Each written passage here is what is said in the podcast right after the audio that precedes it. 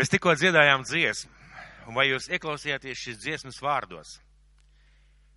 Dievs manā dzīvē, tur manā elpā, Dievs manā mierā, Dievs manā miegā, Dievs manā ceļā, tur manā darbā, Dievs manās domās, Dievs manā dziesmā.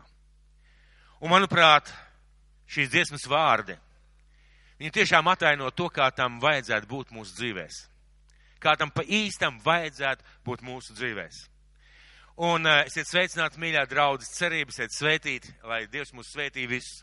Esiet sveicināti ciemiņu draudzē zem krusta, mums ir galvas ir liels krusts, kā simbols tam, kā mēs, mēs kalpojam Kristum, esam Dievu bērnu un viņš ir mūsu galva, mūsu vadītājs. Un uh, tie, kas bija pagājušajā dievkalpojumā, kā jums gāja ar Dievu vārdu no pagājušās svētdienas? Kā jums gāja ar Dievu vārdu? Par ko mēs pagājušajā svētdienā runājām? Es zinu pareizo atbildi par Dievu. Bet par ko mēs runājām? Ko lūdzu? Kristietis darbā. Ļoti skaisti. Kā tad jums gāja kristiešu darbā pagājušajā nedēļā? Ja ir kādam liecība, es tiešām aicināšu kaut kad sprediķim pa vidu nākt un liecināt. Jo redziet, Dieva vārds mums dots dzīvei. Nevis, lai mēs svētdien noklausītos, bet lai mēs dzirdējuši, ietu un realizētu to, ko mēs esam dzirdējuši. Un mēs pagājušajā dievkalpojumā sākām ar eh, kādu vietu no Bībeles. Mēs lasījām no Mateja evaņģēlī 5. nodaļas 14. un 16. pāns. Mateja evaņģēlijas 5. nodaļa 14. un 16. pāns līdz 16. Jūs esat pasaules gaišums. Pilsēta, kas stāv kalnā, nevar būt apslēpta. Sveci iededzinājis, neviens to neliek zem pūra, bet lukturī. Tā tā spīd visiem, kas ir namā. Tāpat, lai jūsu gaisma spīd ļaužu priekšā, ka tie ierauga jūsu labos darbus un godā jūsu tēvu, kas ir debesīs.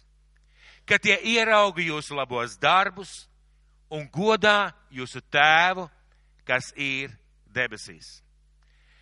Un šajā vietā Jēzus pilnīgi nopietni, patiešām pa īstām, viņš pasaka, jūs esat ielikti pasaulē kā gaisma, lai Dievs caur jums varētu spīdēt. Tā nav garīga metafora vai līdzība vai tāds poētisks izteiciens.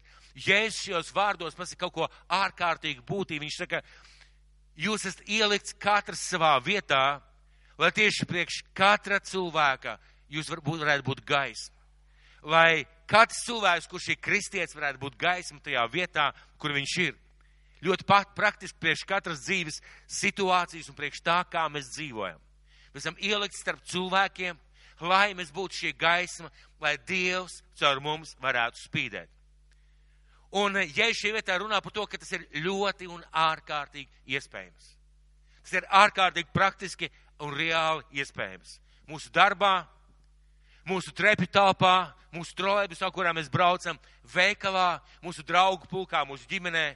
Un mēs pagājušajā reizē sākām ar diviem jautājumiem, pie kuriem es šodien gribētu atgriezties. Un pie vienas līdzības. Pirmais jautājums bija tāds, ka mēs rītā būsim darbā kāda būs atšķirība starp mani, kristieti, un uh, cilvēku, kurš netic Dievam man darba vietā. Kāda būs atšķirība? Es nerunāju par to, ka es būšu uzkrāsojies vai neuzkrāsojies, es būšu uzvalkā vai vienkārši džinsu biksēs. Es runāju, kāda būs atšķirība darbā, rīcība, vārdi, izteiksme, runāšana. Kāda būs atšķirība? Kā jūs domājat, kāda būs atšķirība? meitenes, kas mācās skolā. Kāda būs atšķirība pirmdien, kad jūs būsiet savā klasē? Un vai būs kāda atšķirība? Un otrs jautājums mums bija ārkārtīgi svarīgs, ka mums vajadzētu saprast. Vai mūsu attieksme pret darbu, pret cilvēkiem, pret priekšniekiem, pret mūsu uzticētajiem pienākumiem, Un pēc tā, kā mēs rīkojamies vai izvēlamies rīkoties pret apkārtni, vai tas, ko darām, ļauj Dievam atraisīt svētības blakus esošo cilvēku dzīvē, un vai tas ļauj Dievam spīdēt caur mums? Lūk, jautājums. Es esmu kristietis, es ticu Dievam, es paļaujos, es slavēju, es pielūdzu un paldies Dievam par to. Bet vai tas, kā es rīkojos, kā es daru, kā es strādāju, kā es runāju, kā es braucu, kā es izturos pret cilvēkiem, vai tas ļauj Dievam atraisīt svētības apkārt esošo cilvēku dzīvē, tajā pasaulē, kura mēs dzīvojam, šo gaismu atraisīt, un vai tas ļauj Dievam spīdēt caur mani? Lūk, jautājums katram personīgi. Un mums bija arī kāda līdzība. Es nevarēju atturēties no kārdinājuma vēlreiz parādīt. Jūs atceraties, mēs pagājušajā, reiz, pagājušajā sēdē runājam, ka mēs esam kā krāns šajā pasaulē. Kā tāds svētību krāns, ko Dievs lieto, lai, lai gaisma, lai svētības, lai uh, labas lietas plūst šajā pasaulē. Un redziet, viena lieta, ka tas krāns ir ka Dieva ūdens, teiksim, pienāk pie viņa šajā, šajā virzienā, teiksim, no šejienes, no augšas, pienāk Dieva svētības un gaisma. Un tikai es pats, kā šis svētību krāns, varu atgriezt vaļā šo krānu un palaist to Dieva ūdeni ārā vai, vai nē. Tikai es pats. Jā, ir spiediens tajā caurulē, pienāk tas ūdens. Dievs ir man devis dažādas lietas, dāvanas, spējas un aicinājumu bet es esmu tas, kas ļauj šīm svētībām izplūst pasaulē. Es, neviens cits, Jēzus vēlās. Dievs visur izdarījis. Dievs visur iedevis tikai es pats. Un mēs esam šis te svētību krāns priekš šīs pasaules.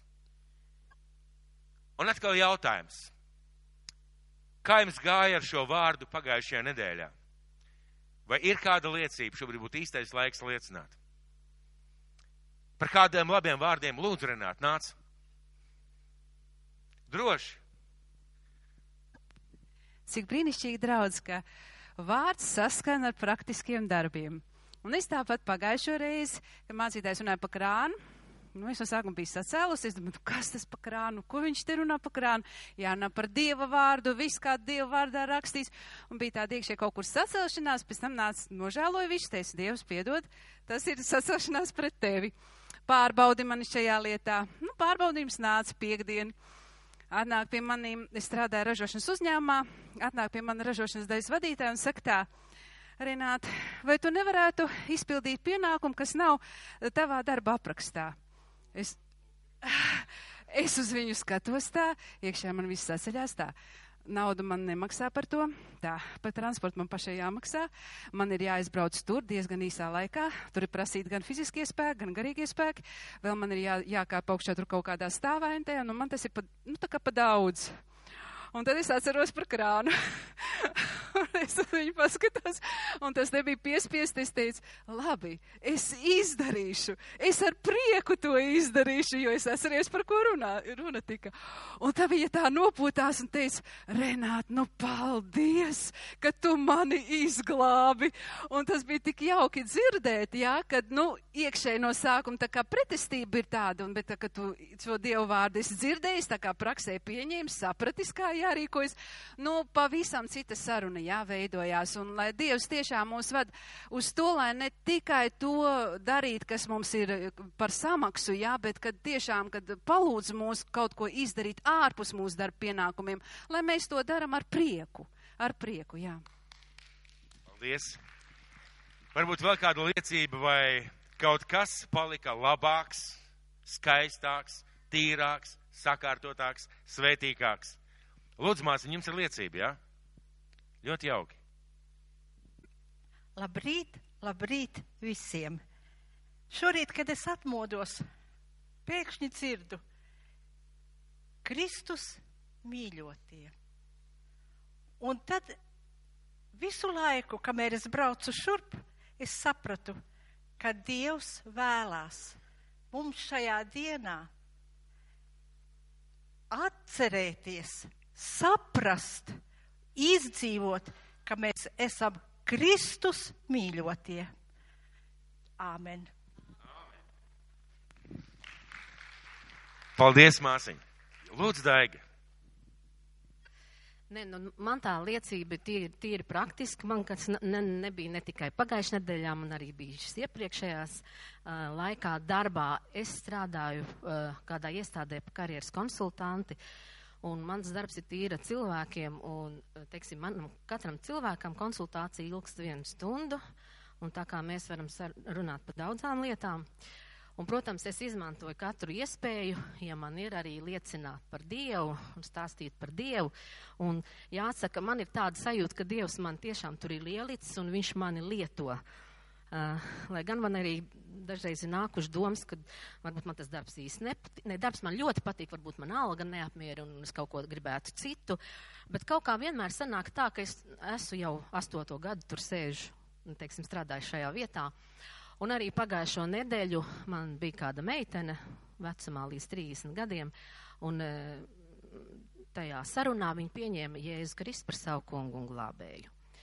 Un bija arī kāds vīrietis e, jau gados ar, mm, ar tādu Eh, nu, tā kā ar biznesu nodarbojies, zaudējis to biznesu un ir ļoti liela pieredze. Viņš pat pie Raimona Pauli ir strādājis, palīdzējis viņam vadīt viņa to savā laikā, uh, viņa to orķestru un, un visu. Un, un viņš attīsta sevī šīs te ekstrasenses spējas un, un, un, un attīsta sevī šīs te meklē ādars un tam līdzīgi. Un es viņam centos, es viņam teicu, vai kā jūs domājat, nu, kā, vai tas kādam ir vajadzīgs, un vai, nu, es mēģināju viņu, protams, pārliecināt, kad eh, kaut kā, kad varbūt Dievam tas nemaz nav patīkam, un mēģināju saprast, kad, eh, nu, Dievs jau pateiks, kurā vietā rakt aku, un, un, un, un ir, ir citas, eh, ir citi veidi, kā noteikt, kur ir āders un tam līdzīgi. Um, mēs runājām, bet es, protams, es nedrīkst arī uzspiest. Es centos neuzspiest un ne, savu viedokli un tam līdzīgi. Bet rezultātā es to sēklu sēju.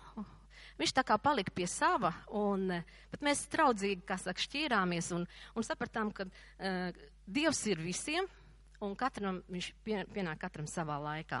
Bet šis, šī saruna bija, un, un mēs runājām, un noteikti, es nezinu, ir arī citi cilvēki bijuši. Es kaut ko stāstu, bet uh, ir kas uzreiz nestāstiet man, es nemaz par to negribu dzirdēt, bet es vienalga cenšos kaut ko pa Dievu pastāstīt, ja ir tāda iespēja. Un slavu Dievam, ka Viņš man lieto. Paldies! Varbūt ir vēl kāda liecība. Lūdzu, Sarmīt. Un Inga arī. Jā, lūdzu. Labrīt vēlreiz. Um, es uh, Jēzum apsolīju, ja man būs tāda iespēja, es noteikti to liecināšu, un viņš pakārtoja tā, ka šāda iespēja tiešām ir. Uh, Un šī liecība ir šajā nedēļā vienā, es strādāju medicīnā, dzemdību nodaļā. Es esmu bērnu māsa. Un šajā nedēļā bija viena dežūra, kur divas dzemdības bija, lai neteiktu plašāk, ārkārtīgi bīstamas bērniņam. Un vecmāte mani pasauc, es atskrienu un es. Nu, palīdzu vecmātei pieņemt tās dzemdības. Un uh, vienā brīdī, kad bērniņš uh, ir iegurnī, jau dzimst visšaurākajā vietā, un pēkšņi viss apstājās. Un uh, bērniņš ne uz priekšu, ne atpakaļ. Bērniņam galviņa ir pilnīgi saspiesta. Viņš uh, ir ārkārtīgi bīstamā stāvoklī. Un, uh, es uh, ar mājieniem prasu, vajag obligāti, kad vai ārstu, mēs visi saprotam, ka tur nebūs labi ka tur vajadzīgs būs ārkārtīgs brīnums, lai tam bērniņam viss būtu kārtībā, vai vismaz viņš ie, ieelpotos. Un, uh, un tā notika diezgan ilgi, un, un vēlkās laiks, un mēs saprotam, vecmāte jau purina galvu, nebūs nekas tur vispār labs. Un uh,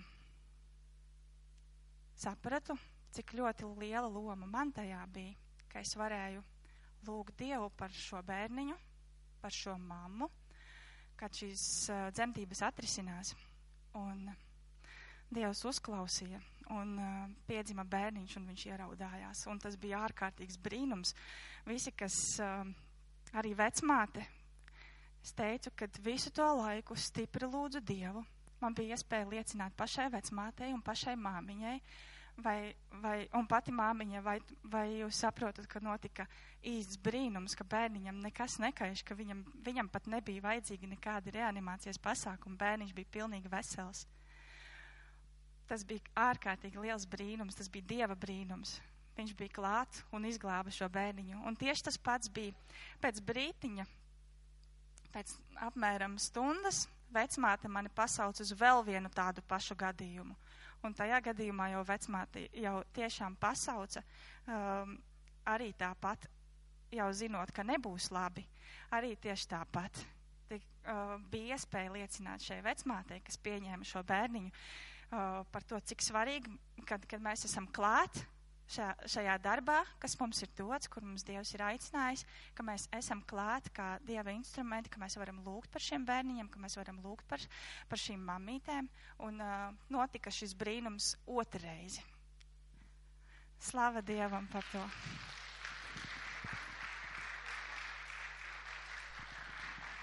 Aplausi noteikti varēja būt lielāki. Lūdzu, lūdzu Inga nāc. Man arī ir liecība. Situācija tāda, ka bieži vien mēs ikdienā nemēģinam ar citiem cilvēkiem sarunāties tā kā, kā liecinieki, jo mums dzīve ir nu, tāda ikdienišķa. Mēs esam draudzē vieni, ārpus draudzes mēs esam jau citās domās, darbos, ģimenē un tā tālāk. Un es gribu liecināt vienu situāciju. Piektdien man bija iespēja ar mazdēliņu aizbraukt uz Leļu teātri. Un priekš tā tika izsaukts taksis, un, lai mēs uz turieni nokļūtu. Un mēs braucām, un sanāca tāda situācija pilnīgi negaidot, ka e, 15 minūšu garumā sarunā ar šoferi e, izrādās, ka cilvēks, mēs saprotam, ka viņš ir kristietis, un pat man neapzinoties, es sapratu to situāciju, ka tikai tad, kad mēs izkāpām no e, auto laukā, kad mēs bijām galpunktā, es sapratu, ka šī saruna, ka mēs pamazām 15 minūšu laikā izrunājām tik ļoti daudz lietas un atklājās, ka viņš ir kristietis. Un viņš ir diezgan sarūktināts, jo viņam ir otrs darbs, bet kā jau individuāli amatnieki zina, kad visi slogi, nodokļi un tā tālāk ir diezgan smagi priekš individuālajiem. Un, kā viņš teica, ka viņš ir godīgs, viņš nekad, viņš nelieto alkoholu, nedzer, viņš maksā visus nodokļus, un viņam ir diezgan smagi tajā dzīvē. Un man pašai pa pārsteigumu sanāca tā, ka mūsu sarunas laikā e, bija trāpījies tā, ka tā saruna, tā, tā, tas brauciens nebija tāds nejauši, bet mūsu saruna viņām bija kā apliecinājums, kā stiprinājums, un es biju tik ārkārtīgi priecīga par šo braucienu. Un bieži vien ir tā, ka mēs kādreiz gribam cilvēkiem palīdzēt, bet mēs pat nezinām kā.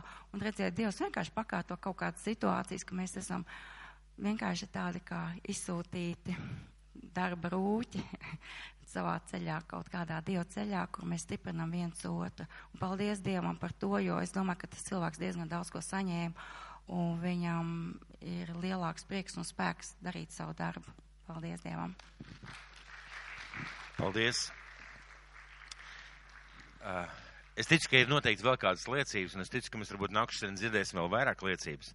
Un arī man divas vairākas lietas, ko es gribētu pateikt. Mēs šajā nedēļā bija nedaudz slims un uh, daudz kur nevarēja doties, bet man bija tāda iespēja, man bija sabojējusies mašīna, un es braucu pēc mašīnas. Un uh, es aizbraucu mašīnu, saremontēta, sataisīta, paldies Dievam, tur negāja vienkārši, tur diezgan gāja diezgan grūti. Un, un tas cilvēks prasa, cik es esmu parādā, cik, ir, cik ir jāmaksā. Tas cilvēks pasaka kādu summu.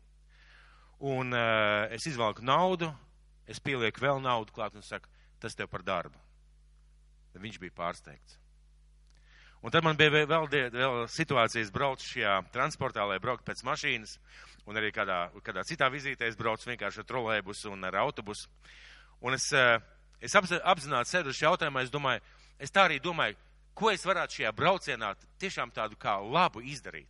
Un ziniet, ko es izdarīju? Ļoti vienkārši lietu, ko mēs jebkurš varam izdarīt. Kāpjot ārā, es piegāju pie šī šofera, pateicu, paldies par jūsu darbu. Un ziniet, piedzima divi smaidi. Es diviem cilvēkiem pateicu paldies par jūsu darbu. Vienai kasierei un šim te autobusu šoferim. Un tas nebija tāds vienkārši paldies un izkāpj ārā. Es pateicu personīgi paldies par jūsu darbu. Un mēs varam tādā veidā darīt. Mēs varam būt par liecību, mēs varam būt par cilvēkiem, kuri uh, dara labas lietas, lai cilvēki pasaulē būtu priecīgāk un laimīgāk. Un mēs pagājušajā svētdienā runājām par Jāzepa dzīvi.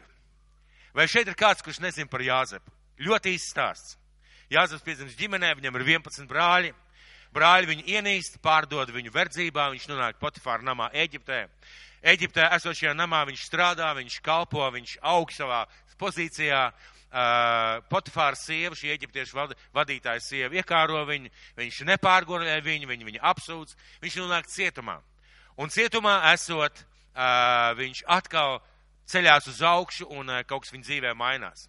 Un mēs runājam par to, ka, ka jāsapa dzīvē šajos smagajos apstākļos, acīm redzot, bija lēmums, bija izvēle un arī sekoja rīcība. Viņš pieņēma lēmumu pieņemt savus apstākļus, kuros viņš ir, un būt par svētītāju, par devēju, paklausot Dievu vārdam, lai mēs esam kā svētība šajā pasaulē. Jāzeps savos apstākļos pieņem šo lēmumu. Un mēs runājam par to, ka viņš kā vergs. Cietumā viņš bija cietumnieks un uh, savā potifāra namā viņš bija vergs. Vergs nevar izvēlēties, ko darīt. Bet kā darīt, vergs var izvēlēties. Tieši tāpat arī cietumā. Cietumnieks nevar izvēlēties, ko darīt, bet cietumnieks var izvēlēties, kā darīt. Un tā ir tā lielā privilēģija, ka mēs savā dzīvē, esot jebkuros apstākļos, mēs vienmēr varam izvēlēties, kā darīt. Mēs bieži nespējam mainīt apstākļus, vai bieži vien nespējam mainīt situāciju. Mēs nespējam mainīt varbūt to, kur mēs esam, bet mēs vienmēr varam izvēlēties, kā darīt. Un uh, Jāzeps nokļūst Potifāra namā, tiek pārdots kā vergs. Un tā vietā, lai ienīstu, tā vietā, lai, lai kristu depresijā, tā vietā, lai uzdot jautājumus Dievs, kur tu esi, lai atkristu, varbūt lai sāktu zakt vai dzīvot priekš sevis, viņš sāk ieguldīties Potifāra namā. Viņš ar pareizu attieksmi sāk darboties šajā saimniecībā, un pamazām Potifāra nams aug. Mēs izlasīsim to vietu. Kad viņš nonāk cietumā, viņš tieši tāpat arī šajā cietumā sāk rīkoties savādāk, pilnīgi pretēji nekā citi cietumnieki Un Dievs dod žēlstību, viņš iemanto šo, šo žēlstību. Un iedomājieties, rakstīts, ka eh, cietuma priekšnieks vairs nerūpējās ne par ko. Tas nozīmē, ka šis cietums palika labāk. Un jāsaka rīci, lēmuma un rīcības dēļ Dievs svētīja gan Potifāra namu un cilvēkus, gan tos cilvēkus, kas atradās cietumā. Un, protams, ka arī Jāzapa dzīve mainījās. Mums šodien jāturpina runāt par tādiem garīgiem principiem un Dieva sirdi un rīcību, Dieva sirdi un rīcību, ko Dievs atklāja caur Jāzepa stāstu. Ziniet, ir tā, ka mēs reizēm Jāzeps, Mūzus, Ārons, mēs lasām šo cilvēku dzīves stāstus. Un bieži vien mēs koncentrējamies uz šiem cilvēkiem, bet pamēģināsim pastumt malā šīs personības. Jūs ziniet, aiz katras no šīs personībām stāv Dieva rīcība. Un tas, ko Dievs vēlās, lai mēs ieraugām, ko Dievs darīja caur Jāzepu. Ko Dievs darīja Jāzepa dzīvē, kā viņš rīkojās, kāpēc viņš rīkojās, un ar to mēs varam ieraudzīt šos te garīgos principus. Un šodien es dalīšos ar vārdu, jūs varat arī pierakstīt. Saimnieka un svētītāja sirds tiks svētīta. Saimnieka un svētītāja sirds tiks svētīta. Un, lai mēs atcerētos to, par ko mēs runājām pagājušajā reizē, es īsi izlasīšu šīs divas vietas gan par potifārnām, gan par cietumu. Un tad pirmā mūsu grāmata, pirmā mūsu grāmata, tad saimnieka un svētītāja sirds tiks svētīta. Saimnieka un svētītāja sirds tiks svētīta. Un pirmā mūsu grāmata, 39. nodaļa no 4. līdz 6. pantam. Tad Jāzeps atrada labvēlību viņa acīs, viņam kalpodams, un viņš to iecēla par savu nama pārvaldnieku un ielika visu, kas tam bija viņa rokās.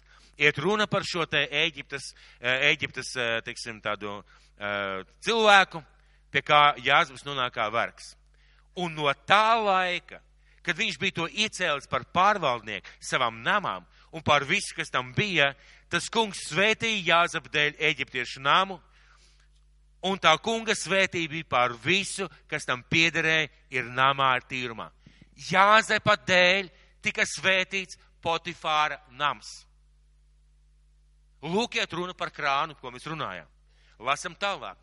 Šī pa 39. nodaļa no 20. līdz 23. pantam. Un Jāzep kungs paņēma to un iemeta cietumā vietā, kur ķēniņi apcietinātie tika apsargāti, un nu viņš atradās tur cietumā.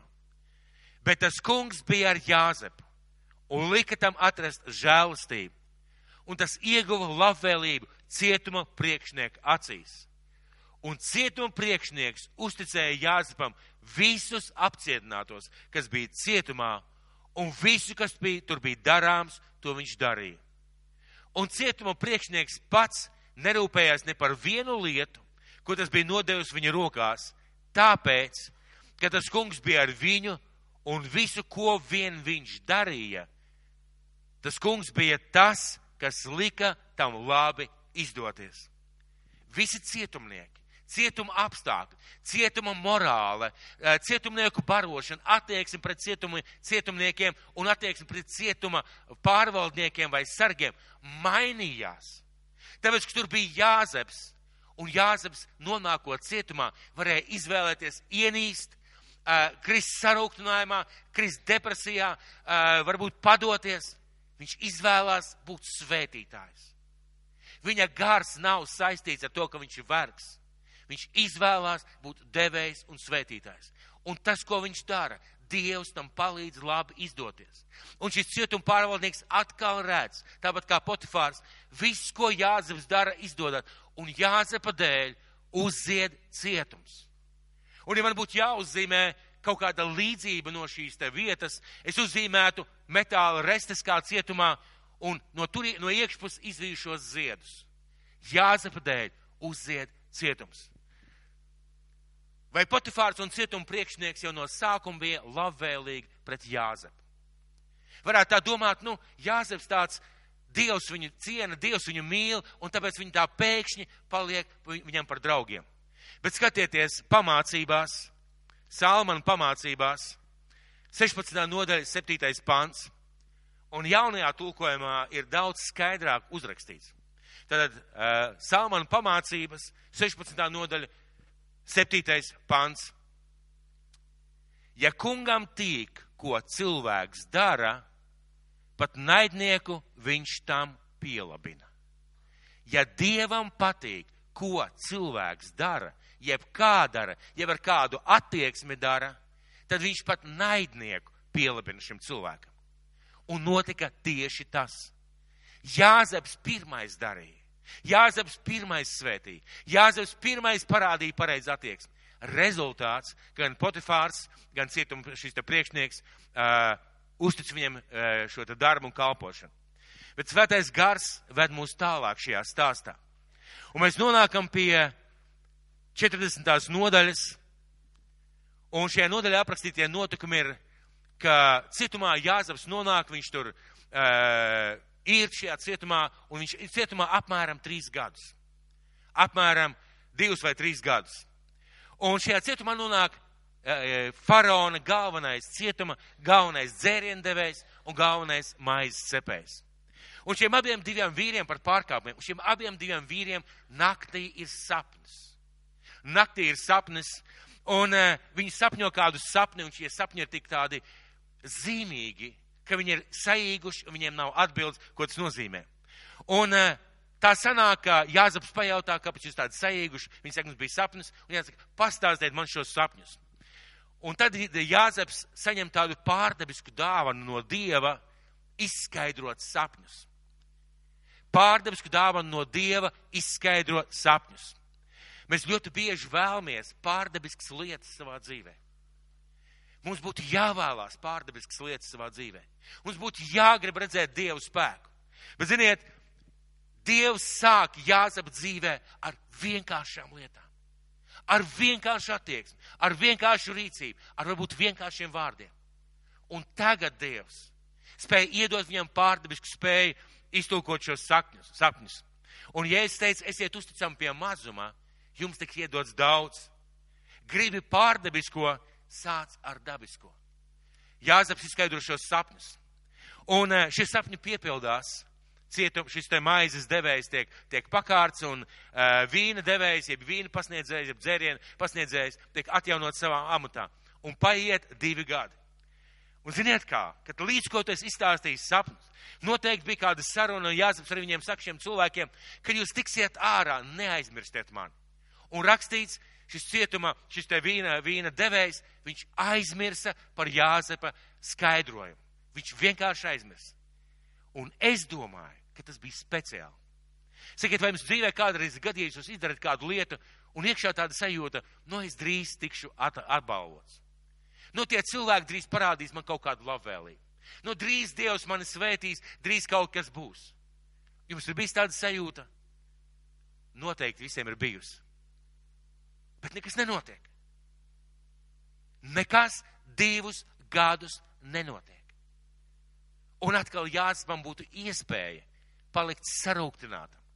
Es jau tā daru labus darbus, vienreiz neveic, vēl dziļākā bedrē, pēc tam vēl dziļākā bedrē. Kāpēc man tāds liktenis? Jāzapā ir kaut kas savādāks. Un es gribētu, lai mēs ieraugam to, ko ierauga Dievs Jāzapā. Mēs bieži vien runājam par kādām cilvēku dzīvēm, bet ziniet, ko es jums gribu pateikt? Aiz šīm cilvēku dzīvēm stāv Dievs kuru mēs varam ieraudzīt, ja mēs izlasām nedaudz caur rindiņām, uzdodam pareizos jautājumus, kāpēc, kā, kādēļ. Un lūk, šis te jāsaps tiek aizmirsts uz diviem gadiem. Un es gribētu jūs aizvest uz uh, otro vēstuli Timotejam, trešo nodaļa, 15. 17. pants. Kāpēc to gribētu uh, jūs vest uz šo vietu? Es domāju, ka jebkurš no jums varētu šobrīd pateikt, Jāni, nestāsti man par jāsapu. Es pats mājās varu izlasīt. Kāda sak, kāds sakars man un Jāzepam?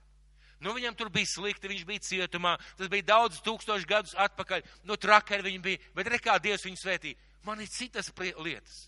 Man tur varbūt bērnam nav tas vai šitas, man tur varbūt veselības problēma, priekšnieks ir tāds, ne, tāds slikts cilvēks, varbūt man nemaksā, darbs man nav īstais, man nav īstā veselība un apstākļi. Mēs varam teikt tā, kāda starpība ar Jāzepu. Kāpēc? Skatieties, ko apustulis Pāvils, kurš pazina garīgo pasauli, viņš raksta Timotejam tādu vēstuli. Un šajā otrajā vēstulē Timotejam ir tādi vārdi. Trešā nodaļa, sākot no 15. panta. Ka tu no mazām dienām zini svētos rakstus, kas spēj padarīt tevi gudru. Un tu iegūsti pestīšanu ticībā, kas sakņojas Kristū Jēzu. Ik katrs Dieva iedvesmos raksts ir arī noderīgs mācīšanai, vainas pierādīšanai, labošanai un audzināšanai taisnībā. Lai Dieva cilvēks būtu pilnīgs, sagatavots katram labam darbam. Ko tu Dievs vēlēs mums visiem pateikt caur šo stāstu par Jāzepu? Mēs runājam iepriekšējā reizē. Un tagad mēs dosimies tālāk. Tātad pirmā Pirmā mūzes, pirmā mūzes grāmata, 41. nodaļa, sakot no 25. līdz 35. pantam. Eh, sāksim ar pirmo pantu. Un pēc diviem gadiem faraonam bija sapnis. Viņš stāvēja upes grīvā. Un no upes grīvas izkāpa septiņas govis, skaistas izskatā un jo traknām miesām un viņas ganījās meldros. Un pēc tam atkal izkāpa septiņas citas govis no upmalas, nejauka izskata, jo liesām miesām un nostājās blakus pirmajām govīm upes krastmalā. Un govis, kurām bija nejauks izskats, un kuras bija tiešām liesām miesām aprītās septiņas skaistās izskata govis ar treknējām miesām, un faraons pamodās un viņš atkal iemiga un redzēja otru sapni. Un redzi, septiņas vārpas aug uz viena stiebra, brangas un skaistas. Un tad atkal radās septiņas plānas vārpas, kas bija austriņa kaltēts. Un plānās vārpas aprīs septiņas brangās un pilnās vārpas. Un faraons atmodās un saprata, ka tas bija sapnis. Un rītā viņš bija satraukts savā garā, lika saicināt visus Ēģiptes zīlniekus un visus gudros vīrus, un faraons izstāsta viņiem savu sapni, bet nebija neviena, kas to varētu izskaidrot. Tad galvenais dzērienu devējs iepildi, iepildi faraonam sacīdams: Šodien man jāpiemina mans grēks. Faraons reiz bija apskaitījis uz saviem kalpiem, un viņi iemet mani cietumā sārdas virsnieku namā, mani un galvu no maizes cepēja. Un mēs vienā naktī redzējām sapņus, es un viņš, mēs sapņojām, ikvienam sapnis bija ar savu saturu. Un tur kopā ar mums bija kāds ebreju jauneklis, sardzes priekšnieka kalps. Tam mēs visu izstāstījām, viņš mums izskaidros mūsu sapņus, ko bijām sapņojuši, pateikdams katram viņa sapņa nozīmi. Un kā viņš to bija izskaidrojis, tā arī notika, man iecēla manā amatā, bet viņu pakāra. Un faraons lika atteicināt Jāzepu, liktam steigšus atstāt cietumu, tas noskuvās, apmainīja savus drēbes un nāca pie faraona. Un faraons sacīja Jāzepam, es redzēju sapni, bet nav neviena, kas to izskaidrot, tad es dzirdēju par tevi sakām, ka tev tikai jādzird sapnis, lai tu izskaidrot. Un Jāzeps atbildēja faraonam, tas nav manā varā, bet Dievs to var atklāt faraonam. Un faraons izstāsta savu sapni. Faraons izstāsta savu sapni. Un tālāk no, mēs jau lasījām šo sapni no 25. līdz 32. pantam. Tad Jāzeps sacīja faraonam, abi faraona sapņi ir viens un tas pats. Dievs ir darījis zinām, ko viņš faraonam darīs. Septiņas brangās govis ir septiņi gadi, un septiņas glītās vārpas ir arī septiņi gadi. Tas ir viens sapnis.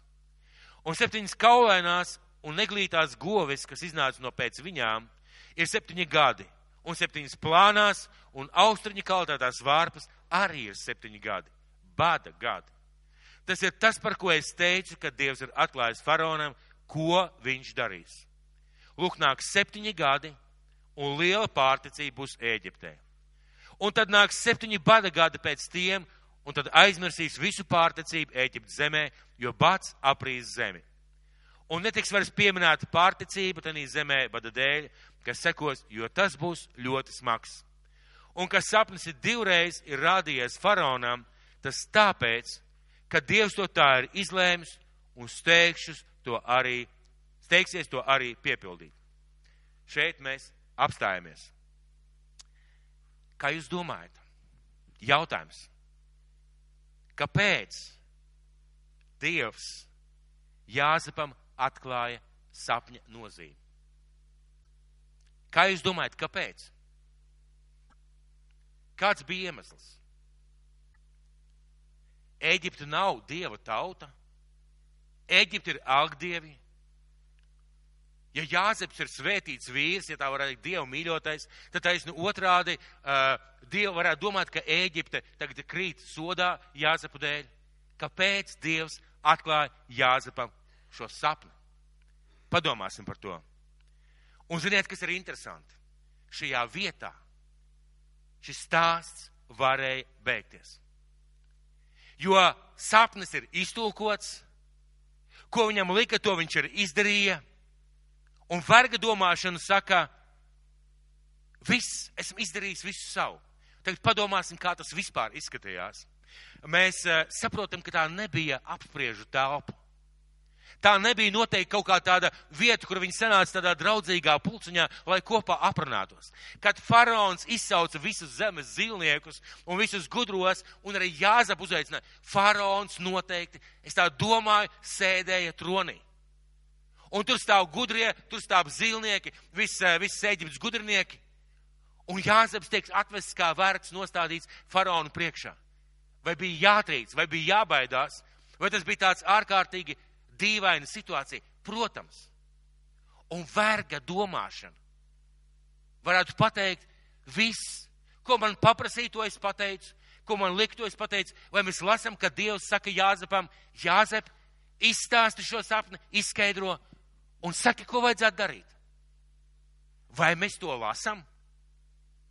Vai mēs lasām, ka Dievs teica Jāzepam, ko tālāk darīt?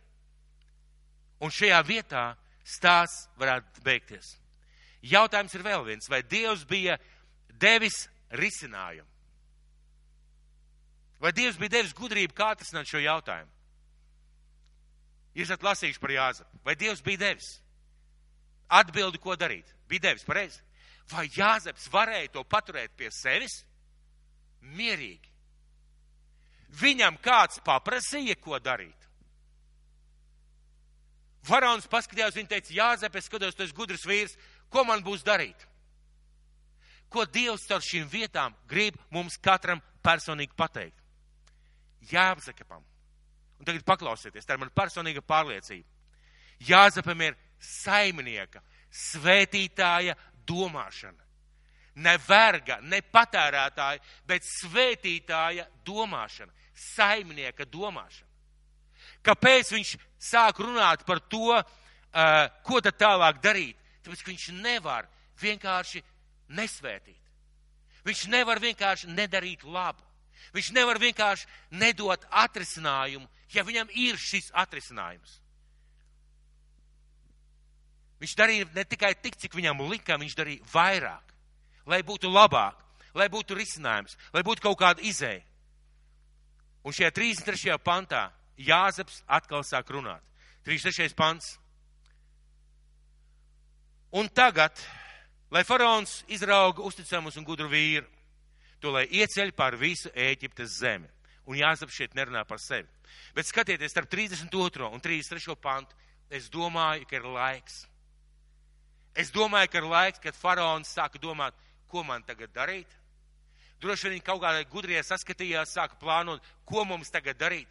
Un pēkšņi tas Jāzeps, kurš savu darbu ir izdarījis, visu, ko viņam teica, viņš izdarīja. Bet viņš iet vēl tālāk. Viņš dara vairāk nekā no viņa gaida. Viņš nāk ar atrisinājumu. Viņš uzdrošinās paņem, uzņemties šo atbildību, nākt ar atrisinājumu. Kas notiek tālāk? 33. līdz 36. pants. Un tagad, lai faraons izrauga uzticamu un gudru vīru, to lai viņš ieceļ pār visu Ēģiptes zemi. Lai faraons dara tā dara, un lai ieceļ uzraugs pār zemi, kas lai ņem piekto daļu septiņos pārticības gados. Un tie, lai sakrāja visu maizi labību šajā, šajos labajos gados, lai liek sabērt labību faraona virsuzraudzībā kā pārtiku pilsētās, kur tā tiktu saglabāta. Un šī pārtika būs zemē par krājumiem septiņiem bada gadiem, kād pēc tam nāks Ēģiptes zemē. Tā zeme no bada netiks izpostīta. Atkārtošos vēlreiz, vai Jāzepam lūdza kāds padomu? Vai tā bija viņa atbildība? Kāpēc, lai viņš dotu padomu, varētu jautāt, Jāzep, kā tu vispār uzdrošinājies? Kā tev vispār ienāca prātā sākt teikt faraonam un visam tam galmam, ko darīt? Nē, viņam neprasīja. Bet es zinu, ka, un es saprotu, ka Jāzepa sirds bija darīt visu, lai būtu labāk. Viņam rūpēja šī zeme. Kaut gan viņš bija vergs šajā zemē, kaut gan viņš bija svešinieks, viņam rūpēja šī zeme. Viņam nekās svarīgi svētīt cilvēks.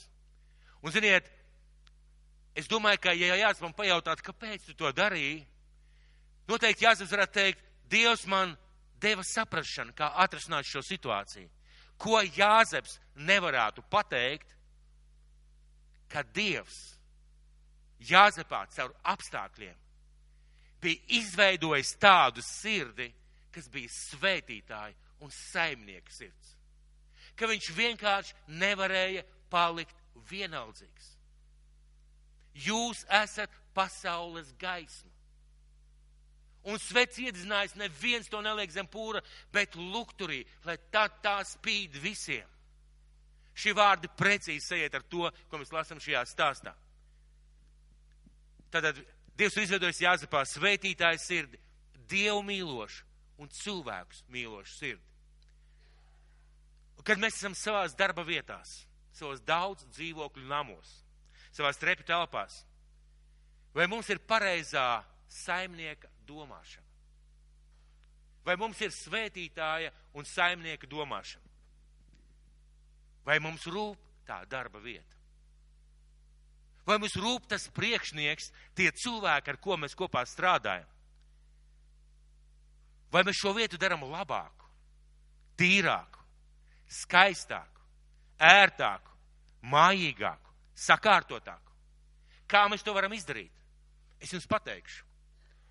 Mēs ejam daudzās, daudzās trepju telpās, un pie paskastītēm ir vesels klājums ar miskasti, flaierīši kas ir izkrituši no ateistām paskatītēm vai vienkārši nomaz zemē. Un mēs ejam garām. Mēs ejam garām. Uz mani tas neatiecās. Mēs dzīvojam daudz dzīvokļu namā, pirmajā vai otrajā vai trešajā stāvā. Un ziniet, parasti, kad cilvēki iet iekšā no ielas, ir dubļains. Un es priecājos, ka vienā otrā namā ir cilvēki nolikuši tepiķīti. Cilvēki nolikuši. Pašvaldība to neizdarīja. Kāpēc mums ar jums regulāri nesavākt tās miskastes un neizmest ārā? Kāpēc ejot garām, redzot, ka dubļi nāk iekšā eh, šajās trep, mūsu trepēs, kurās mēs dzīvojam, kāpēc mums nepaņemt un neziedot 5 vai 10 eiro, nenopirkt kādu tepiķu, ko noklāt uz grīdas? Kāpēc mums nepaņemt kaut kādu švammīti vai vaitspirtu vai acetonu un neno, nenomazgāt tās sienas trepi telpā, kur sarakstītas tādi slikti vārdi ar flomstriem? Kāpēc? Jo tā nav mūsu darīšana pareizi. Nemīļie, tā ir mūsu darīšana. Mēs esam gaisma šajā pasaulē. Sakiet, vai esat redzējuši trepas, kurās ir ziedi? Jūs esat redzējuši trepas, kurās ir ziedi. Kā jūs domājat, viņi no gaisa nokrita? Kāds cilvēks nolika to ziedu? Kāds cilvēks laista? Vai tās trepas ir skaistākas par citām? Ir skaistākas, pareizi? Es bieži vien skatos, ka šajās repu telpās nu nedzīvo galīgi nabadzīgi cilvēki. Kāpēc neapstaigāt apkārtējos kaimiņus un neparunāt klauties, samatam pa desmit eiro, nopirksim krāsu un davai es nokrāsošu mūsu to trepu laukumiņu. Nokrāsosim, lai skaistas sienas. Mēs dzīvojam ar aprakstītām sienām, un mēs to neizdaram. Bet mēs taču to varam. Sakiet, kā mēs vēl varam darīt labāk mūsu apkārt? Mēs dzīvojam kaut kādā mājā, dzīvoklī. Es tagad runāju tikai par mājām. Es nerunāju par darbu. Darbā mēs varam ārkārtīgi daudz ko labi izdarīt. Nezinu, ieviest kādu kārtību, sakārtot kaut ko, nopirkt kaut kādu, nezinu, svečturiņu, svecītas, vēl kaut ko izdarīt. Vis, vis kaut ko mēs varam atrast, ja tikai mēs gribam. Bet, piemēram, ja jūs dzīvojat kādā daudzdzīvokļu mājā un speciāli runāju šos piemērus, kāpēc? Jo kāds varētu teikt, es nestrādāju, Jāni, tu runā par darbu, uz mani tas neatiecās. Sakiet, lūdzu, vai jūs saviem kaimiņiem viens stāv augstāk, viens stāv zemāk un blakus kaimiņiem durvīs uz Ziemassvētkiem kartiņu iemetat paskastītē? Nē, vai ne? Kā jūs domājat, cik tas maksātu? Pāris eiro, pareizi? Kā jūs domājat, vai, vai kaimiņi sāktu būt priecīgāki, labāki? jaukāki? Kā jūs domājat? Ja jūs to izdarītu uz lieldienām un uzrakstītu e, no tava kaimiņa, lai Dievs tevi svētī Kristus dzimšanas svētkos. Kā jūs domājat, vai šis cilvēks sāktu jūs ienīst, vai taisnība otrādi sāk domāt, tas ir kaut kāds savāds cilvēks. Es viņu nepazīstu, bet viņš man sūta apsveikumu kartiņu. Vai tas ir daudz prasīts? Mīļie, mēs varētu tā darīt ļoti, ļoti daudz. Vai mēs darām vienmēr tikai to, kas pienākās? Vai mēs vienmēr darām tikai to, kas pienākās un ne vairāk, vai arī atstājam citiem to darbu, lai citi parūpējās? Bet ziniet, kad es lasu, uz, skatos uz Jāzepu, mīļie, visi teologi jums pateiks, Jāzeps ir Kristus līdzība. Jāzeps ir Kristus pirmtēls. Un, kad mēs skatāmies uz Jāzepa sirdi un rīcību, mēs redzam Kristus sirdi. Vai nav tā, ka Dievs mūs aicināja būt par Kristus lieciniekiem, apģērbt jauno cilvēku? O jā, es varu apģērbt jauno cilvēku. Es zinu 73 bībeles pantus un spēju nocitēt svētību vārdus un halleluja katrā vietā. Bet apģērbt jauno cilvēku nozīmē izmainīt savu domāšanu, izmainīt savu rīcību. Mīļie, mēs esam šajā pasaulē un mēs esam ielikti kā gaisma. Sakiet, vai Ēģipte bija Jāzepa draugs? Mīļotā tauta. Nē, viņi bija pāri darītāji. Ēģipte bija Jāzepam pāri darītāji. Viņi bija elgdievi, viņi nekalpoja dzīvēm dievam. Vai Jāzeps varēja, uzzinot šo sapni, nodomāt, un varbūt arī pie sevis tā klusiņām pateikt, tā jums arī vajag. Nu jūs dabūsiet. Vai varēja? Nu jūs tagad dabūsiet dievu dusmas.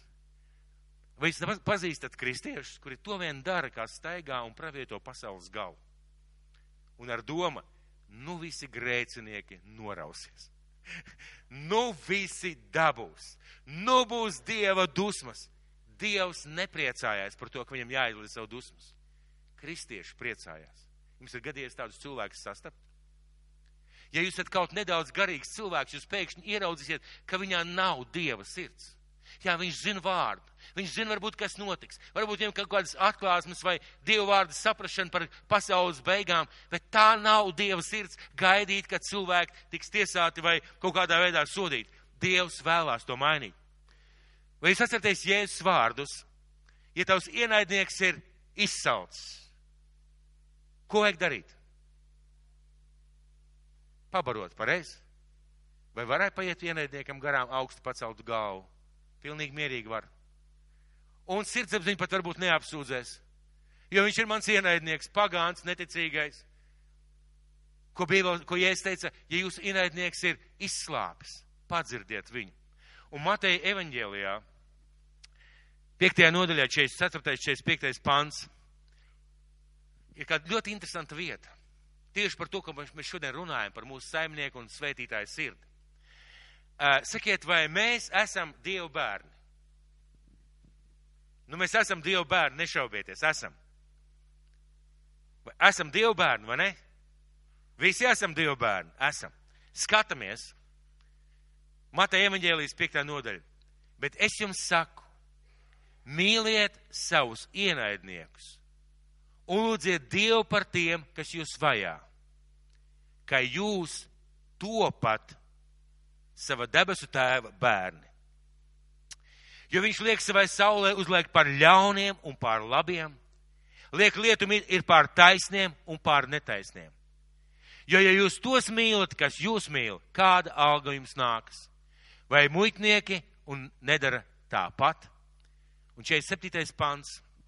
Viņš kādā reizē mani pilnīgi šokēja. Ziniet, kāpēc? Esmu Dieva bērns. Piedzimis no augšas, kā lielākā daļa no jums.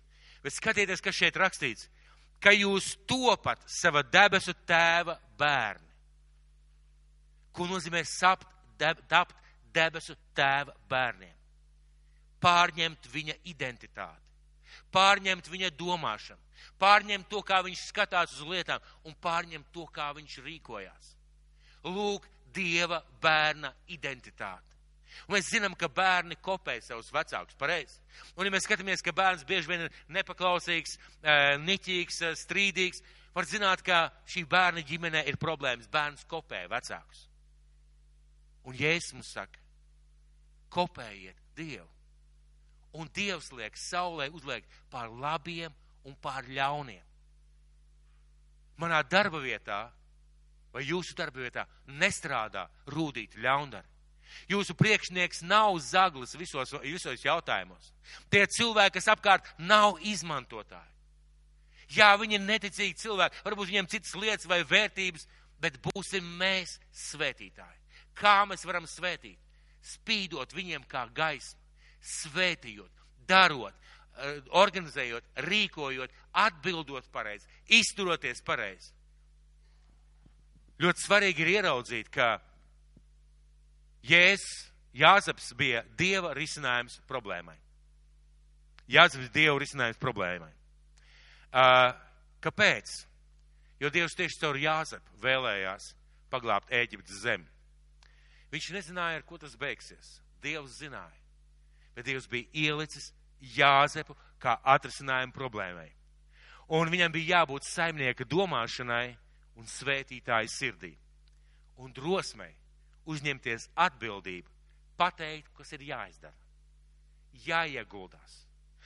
Mēs bieži vien, mēs bieži vien esam ielikt kā dieva risinājums kādā situācijā, kā dieva risinājums klasē, kā dieva risinājums kādu cilvēku dzīvē, kā dieva risinājums savā darba vietā, uz ceļiem, uz ielas, dažādās vietās, kā dieva risinājums. Bet mums ir jā, jāuzņemās atbildība, un tad mēs bieži vien sakam, nē, Dievs, es zinu, ko varētu darīt, bet nē. Es zinu, man ir zināšanas, man ir spējas, bet nē. Es varētu, bet nē jo man prasīs laiku, jo man būs kaut kas jāziedo. Mēs dzirdējām Renāts stāstu. Paldies Dievam par Renāts sirdi. Un mēs, mums ir padoms, mums ir sapratne, mums ir zināšanas, spējas, ko Dievs devis. Kaut ko šajā situācijā mainīt, bet ir jāuzņemās atbildība, un mēs bieži vien pasakam nē. Kurā vietā? Draudzē. Cilvēkiem apkārt, darba vietās. Un mēs bieži sakam labāk nē. Es to nedarīšu, jo būs grūti, lai dara citi. Un jautājums, kas ir tāds ārkārtīgi retorisks, vai man visvairāk vajag? Esat dzirdējuši tādu jautājumu? Esat dzirdējuši tādu jautājumu? Par ko parasti šo jautājumu uzdot? Par, eh, par to, ka aiziesim aiz stūru uzpīpēt eh, šo te zālīti? Var arī ar to, ja? Šo jautājumu pareizi parasti uzdot par kādām labām lietām. Tad ziniet, ko es jums gribētu pateikt? mums iekšā būtu jābūt atbildē. Jā, man visvairāk vajag. Man visvairāk vajag. Vai tev visvairāk vajag? Jā, man visvairāk vajag. Jo Dievs man iespējams ir ielicis kā atrisinājumu. Dievs man ielicis kā gaismu šajā vietā un šajā laikā, jo viņam visvairāk vajag, un arī man visvairāk vajag. Ja nē, tad tā nav Dieva sirds. Jēzus bija Dieva atbildi šai pasaulē, Dieva atbildi mums. Ja Jēzus tā būtu domājis, vai man visvairāk vajag, kur mums mīļā ar jums būtu? Ja tie cilvēki, kas mums sludināja, kas ieguldījās mums, un katram ir savs stāsts, ja viņi būtu teikuši, vai man visvairāk vajag, kur mēs daudzi ar jums būtu. Bet viņiem vajadzēja, tāpēc, ka Dievam vajadzēja. Un kad Dievs runā uz mums par gaismu, par šo sāli, Dievam vajag. Tas nozīmē, ka arī mums visvairāk vajag. Šurp nākot. Pirms dievkalpojuma. Es iztaisīju tādu garīgu līdzību. Vai kāds atrada lapiņu pie zemes pielīmētu un pacēla viņu? Indra, kas tur bija rakstīts? Kas tur bija rakstīts lapiņā? Tu viņu izmet vai atstāji? Izmet. Ziniet, kas tur bija rakstīts uz tās lapiņas? Izlasīja, ja? Tur bija rakstīts, paldies, ka pacēli. Paglabā. Šajā namā es uz grīdas izlīmēju septiņas lapiņas. Es varu garantēt, ka mūsu dažu acis to lapiņu redzēja.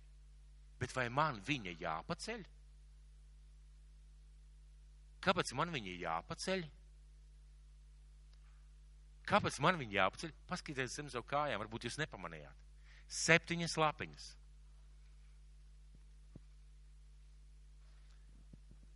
Ziniet, kāpēc tās lapiņas? Lai mēs attīstītu saimnieka domāšanu. Kad mēs redzam to lapiņu zemē, papīru, lai mēs iemācītos pacelt. Un e, iespējams, ka kāds vienkārši arī pat nepamanīja sēžot. Bet patiesībā tas bija domāts, tāpēc, lai mēs iemācītos pacelt. Un bija vēl viena. Bija vēl viena garīga līdzība, kurai visi jūs gājāt garām. Kad jūs iet savās mājās, jūs kājas noslaukat. Noslaukat, varreiz, jā? Ja? Vai jūs slaukat savā tepiķī pie gultas vai uh, tepiķītī vai uz gumijas paklājiņa pie savām durvīm. Pie durvīm. Vai jūs pamanījāt, ka tas gumijas tepiķīts bija nostumts vienā stūrī un stāvēja šķērsām? Kāpēc jūs nepagriezāt atpakaļ? Nauris pagriez, paldies. Vai vēl kāds pagriez? Jūs pagriezāt, jā? Ja? Vai vēl kāds pagriez? Paldies, Nauri. Paldies, māsiņ. Jūs arī pagriezāt. Tā ir saimnieka domāšana. Es ieju iekšā, es redzu nekārtību, Es neeju pie kārtībnieka vai pie apkopējas, bet speciāli ar Vilni un ar Gundagu sarunājām. Un ziniet, kā bija? Nevienu nevainoja. Es vienkārši mēģinu mums mācīt, attīstīt saimnieka domāšanu, šo svētītāju domāšanu. Bija cilvēki, kas ienāca iekšā, turpat uz tepiķa noslaucīja un aizgāja tālāk. Bija cilvēki, kas uzkāpa uz gumijas paklājiņa, droši vien nobrīdījās, kāpēc viņš ir aizstumts ne savā vietā, vajadzētu taču nolikt viņu vietā kādam, noslaucīja kājas un aizgāja tālāk. Mīļie draugi, mums ir jātīsta saimnieka un svētītāja domāšana. Man patīk braukt ar laivām. Un tā, ka mēs parasti kaut kur nakšņojam vai apstājamies, teiksim, paēst pusdienas vai kaut ko tam līdzīgi. Ziniet, kas parasti ir noticis pie upēm, tur, kur uguns, kur vietas vai kas? Jūs ziniet, jā? Ja? Kaudze ar pudelēm, ar buņģām, ar stikliem. Pareizi, jā? Ja? Ko mēs parasti darām? Nu, ir gan tie cilvēki sivēni. Pareizi? Labākā gadījumā mēs nepieliekam klāt savu buņģu. Bet mēs dodamies projām ar sajūtu, ka nu, cilvēkiem vajadzētu mainīties. Mēs parasti vai bieži mēs savācam to miskasti. Vai tas ir slikti? Nē, tas ir pareizi. Tas ir pareizi. Ka tajā vietā, kur tu esi, pēc tevis paliek, ja ne labāk, tad vismaz tikpat labi. Bet mēs varam labāk. Ja es braucu ar mašīnu, es varu atrast kādu maisu, nezinu, kādu sēgu, varbūt kādas darba drēbes, salasīt tur visu un izbērt miskastē. Kas aiz manis paliek? Satīrīts krasts. Vai tas nav tas, ko Jēzus mums mācīja?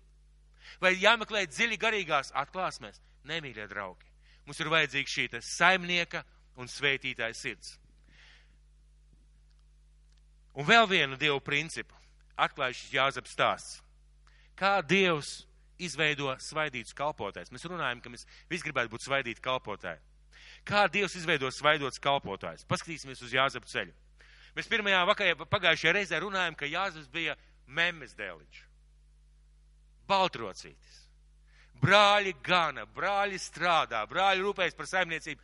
Viņš tur gar tēvu tur šiverē garās rociņas te, šim te uzvalciņam, krāsains apģērbs, mīļotā tētiņa dēls, un tā vietā, kad brāļi strādā, teica, ka aizēj paskaties, brālīši tur gana. Pēc tam atnāca man pastāsti, kā viņiem iet. Vai viņš kaut ko vispār saprata no, no saimniekošanas? Vai viņš kaut ko vispār mācēja? Domāju, ka nē. Un tagad skatieties. Dievs vēlās caur viņu izglābt ebreju tautu. Dievs vēlās caur viņu izglābt Ēģipti. Un ko Dievs dara? Dievs pieļauj, ka viņš nonāk Potifāra namā. Un Potifāra namā viņš mācījās saimniekot. Viņš mācījās skaitīt, viņš mācījās stādīt, viņš mācījās noteikti pļaut, viņš mācījās saimnieciskos darbus un vadīt darbu. Kad viņš nonāk cietumā, viņš mācās likumus, viņš mācās atbildību, viņš mācās valsts uzbūvi. Ja Jāzeps būtu pat taisno nonācis faraona namā, viņš visu salaistu grīstē. Viņš visu sabojātu. Pat ja viņam Dievs bija devis šo atklāsmi, Dievs caur apstākļiem sagatavoja viņu šim augstākajam aicinājumam, šim lielākajam aicinājumam. Viņam bija vajadzīgs šis ceļš, lai Dievs viņu saglabā, sag, sagatavotu. Un mēs zinām, ka tālāk Dievs liks viņam vadīt Ēģipti. Vai Jāzeps varēja bez tā visa iztikt? Kāpēc es par to saku? Mēs bieži vien savā darba vietā sākam no mazākā stāvokļa. Un mēs ļoti bieži vien neieraugam to paaugstinājumu, tāpēc, ka mēs nesaprotam, ka varbūt Dievs mūs ieved kādā vietā, lai kaut ko iemācītu. Jo tad, kad tu nonāksi kādā priekšnieka amatā, tev vajadzēs mācīt to, kas ir pašā apakšā.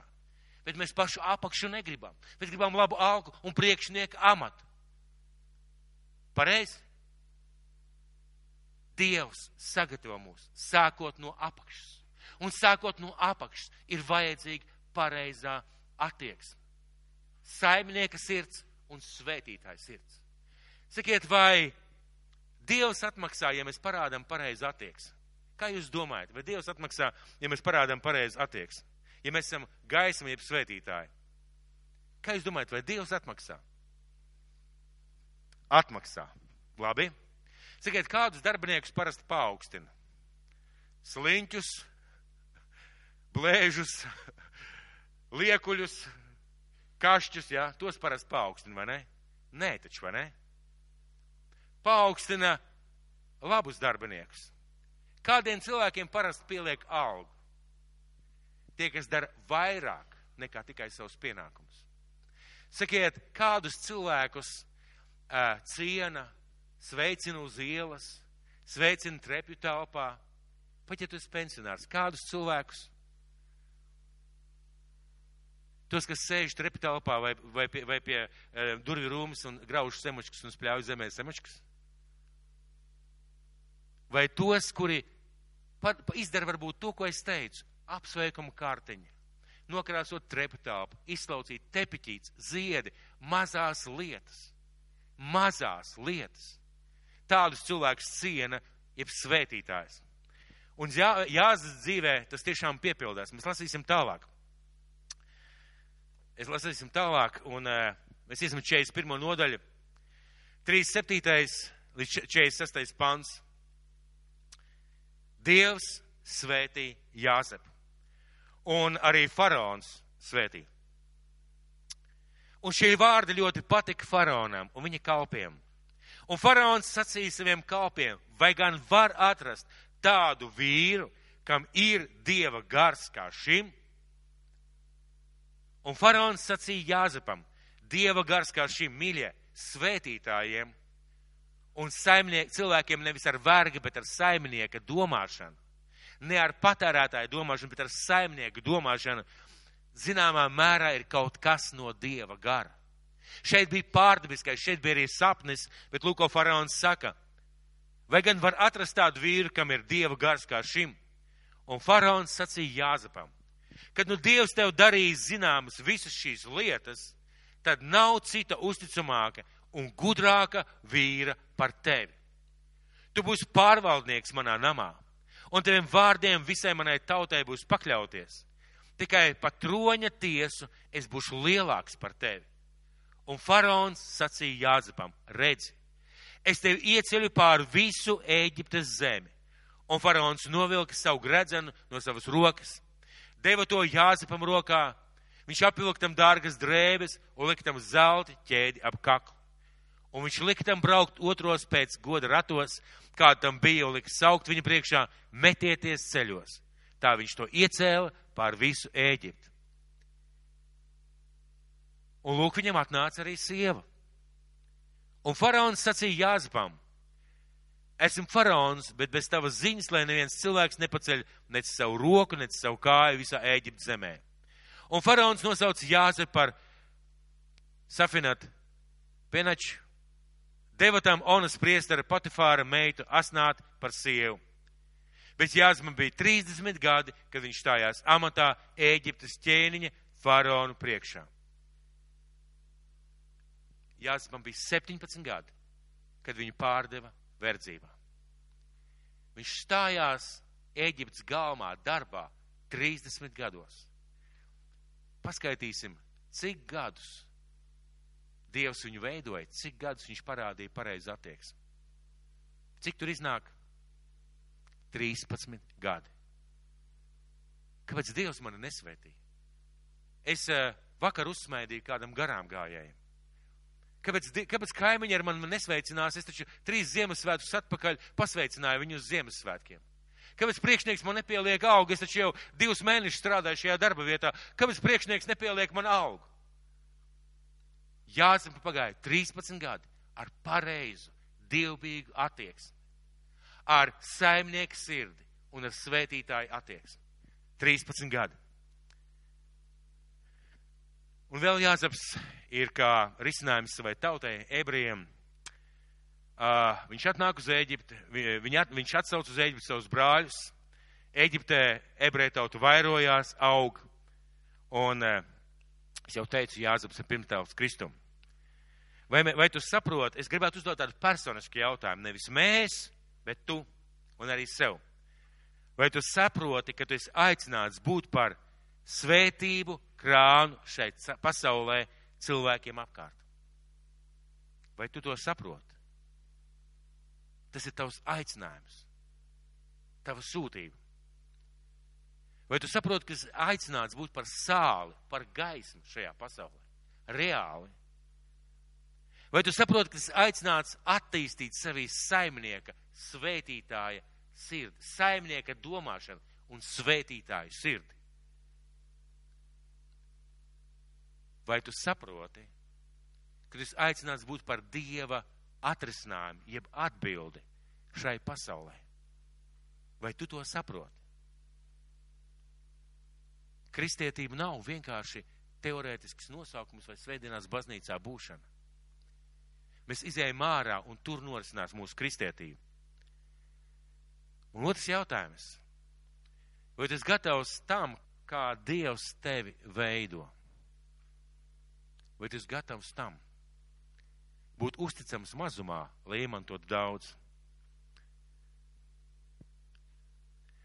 Un nobeigt es gribētu ar vārdiem, ko ir atkārtojuši daudz lielu cilvēku, ja nemaldos prezidenti.